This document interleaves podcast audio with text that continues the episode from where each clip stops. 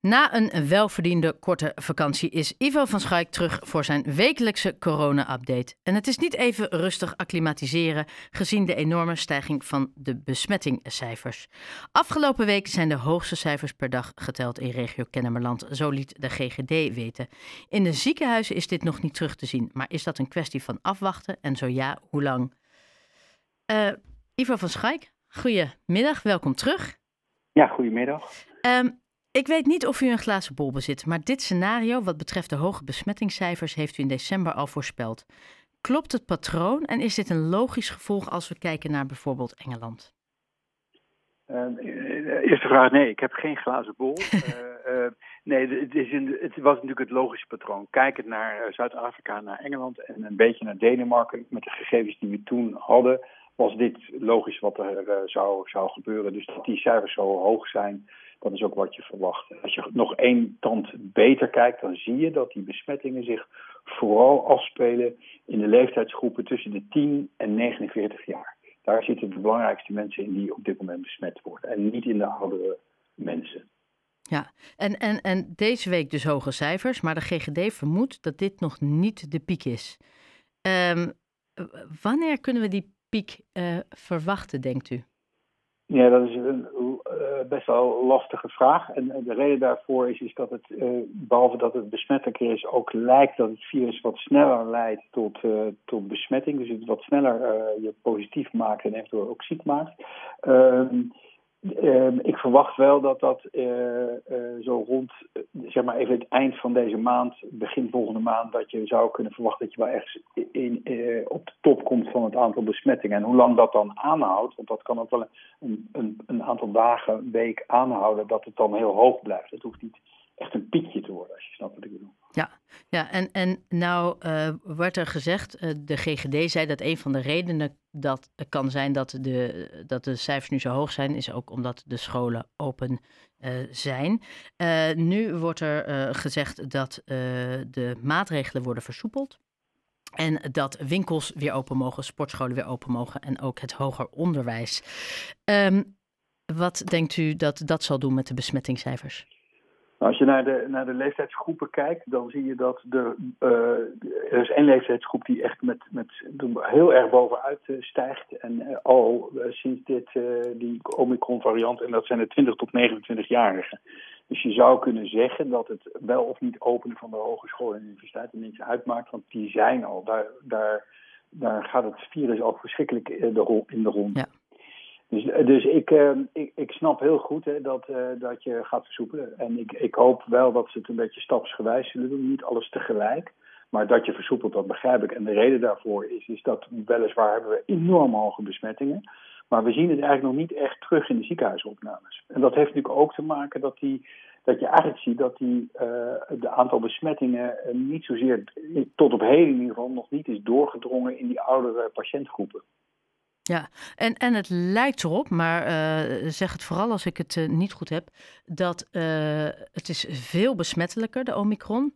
Maar het lijkt er nu toch steeds meer op dat hè, de mensen zonder onderliggende klachten of in de doelgroep zogezegd er minder last van hebben. Klopt. En ik denk ook dat dat, dat is uit zowel Denemarken als uit Engeland zie je ook dat ondanks, dus in Denemarken bijvoorbeeld, is het besmettings het aantal mensen die besmet zijn is twee keer zo hoog, als, ruim twee keer zo hoog als in Nederland. En daar zie je weliswaar dus meer ziekenhuisopnames. Dat gaat in Nederland ook gebeuren, meer ziekenhuisopnames. Maar eh, niet in verhouding tot wat we in, het, uh, in de vorige golven hebben gezien. Ja. Um, zegt dit ook iets, hè? Dat, dat de besmettelijk, besmettelijkheid een pittige is, maar qua symptomen en klachten het weer meevalt. Zegt dat eventueel iets voor andere nieuwe varianten waar we misschien in de toekomst mee te maken krijgen? Nee, niet noodzakelijkerwijs. Dus er kan weer een. Uh, het is wel zo dat een volgende variant, als die de overhand wil krijgen over deze variant, zal die wel iets met zich mee moeten brengen dat hij dat doet. Dus besmettelijker zijn op, op, wat voor manier dan ook. Um, maar de ziekmakendheid, dat zijn twee verschillende dingen. Uh, die, die kan dan weer erger zijn of anders zijn. Uh, dus dat kun je niet meteen zo stellen. Nee. Uh, worden we inmiddels misschien ook, hè, doordat we later booster, omdat veel mensen het ook al hebben gehad, is de kans dat het zo snel weer verspreidt minder? Of is dat elke keer weer opnieuw kijken? Ja, dat, dat, in principe is het natuurlijk zo dat er steeds meer immuniteit in de bevolking wordt opgebouwd tegen dit virus. Maar het virus verandert zelf ook. Dus in die zin is het wel een soort wapenwedloop. Wie wint er, het virus of wij?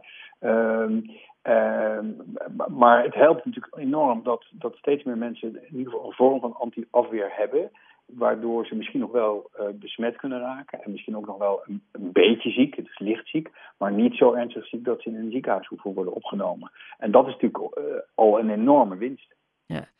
Um, ja, ik zei het net al, uh, de, de woorden, de maatregelen, het is nog niet bevestigd. Daarvoor moeten we morgen de persconferentie afwachten. Maar het lijkt erop dat uh, sommige sectoren weer open mogen, maar sommige sectoren ook niet. Horeca en cultuur nog steeds niet. Uh, tot grote frustratie van die twee sectoren. Um, uh, ja, laat ik het zo zeggen. Vanuit uw positie binnen het Spaarne Gasthuis, vindt u dit een wijze beslissing om het inderdaad te splitsen, te zeggen, nou die wel en die niet? Of moeten we het eigenlijk zoals in Engeland doen en zeggen, die cijfers zijn toch hoog, gooi alles maar open? Um, ja, ik vind, het, ik vind het een wijze beslissing om te gaan versoepelen. En ik vind het ook een wijze beslissing om niet alles tegelijk te doen. Um, ik zou het toejuichen als het kabinet morgen wel perspectief biedt. En zegt bijvoorbeeld, volgende week is die groep aan de beurt en een week later is die groep aan de beurt. En ook duidelijk maakt uh, op, op basis van wat ze dat doen. Want ik denk wel dat je dus ik zou er erg voorstander van zijn om, om stapsgewijs gewoon te versoepelen en goed te kijken wat er gebeurt. En ik zou niet te veel op het aantal besmettingen gaan varen, want dat gaat waarschijnlijk wel wat omhoog. Ik zou vooral goed kijken naar in welke leeftijdsgroepen die besmettingen dan optreden. En, en ook even in de gaten houden of dat gaat passen in de ziekenhuizen. Dus dan zou u bijvoorbeeld zeggen van nou dan doen we inderdaad zoals nu wordt gezegd 15 januari wat ze gaan zeggen. Laten we ongeveer een schatting maken. Uh, hoger onderwijs en, uh, en, de, en de winkels. En dan over één week doen we de rest. En dan die week daarna doen we weer dit. Is dat wat u, zoals ja, u het een beetje zou doen? Ik zou, weet je, dat zou ik doen. En, uh, maar goed, ik ben geen minister nee. van VWS en ook geen minister-president. Maar ik zou zeggen, geef nou iedereen dus ja, want dat is denk ik proportioneel om iets met die lockdown te gaan doen en niet versoepelen. Um, en ik denk wel dat we als Nederlanders dan wel, want dat is het grote verschil tussen Nederland en al die landen om ons heen, is dat Nederlanders ongelooflijk ongedisciplineerd zijn met betrekking tot uh, de basisregels. En we moeten zouden met z'n allen wel wat meer discipline mogen hebben in dan de mondkapjes, afstand houden en dat soort dingen. Ja. En eventueel ook met die 3G-codes uh, in de binnenruimtes. Dat je op die manier in ieder geval wel uh, probeert om die basisregels goed na te leven. Want dat helpt dan ook. dan helpt iedereen een klein beetje mee om te zorgen dat alles open kan. Ja. Nog even terugkomend op wat u zei. U bent niet de minister van VWS. Nee, dat is Ernst Kuipers geworden, die directeur van het Erasmus was. vindt u dat uh, en hij volgt daarmee uh, Hugo de Jonge op. Uh, een mooie ontwikkeling, de aanstelling van Ernst Kuipers?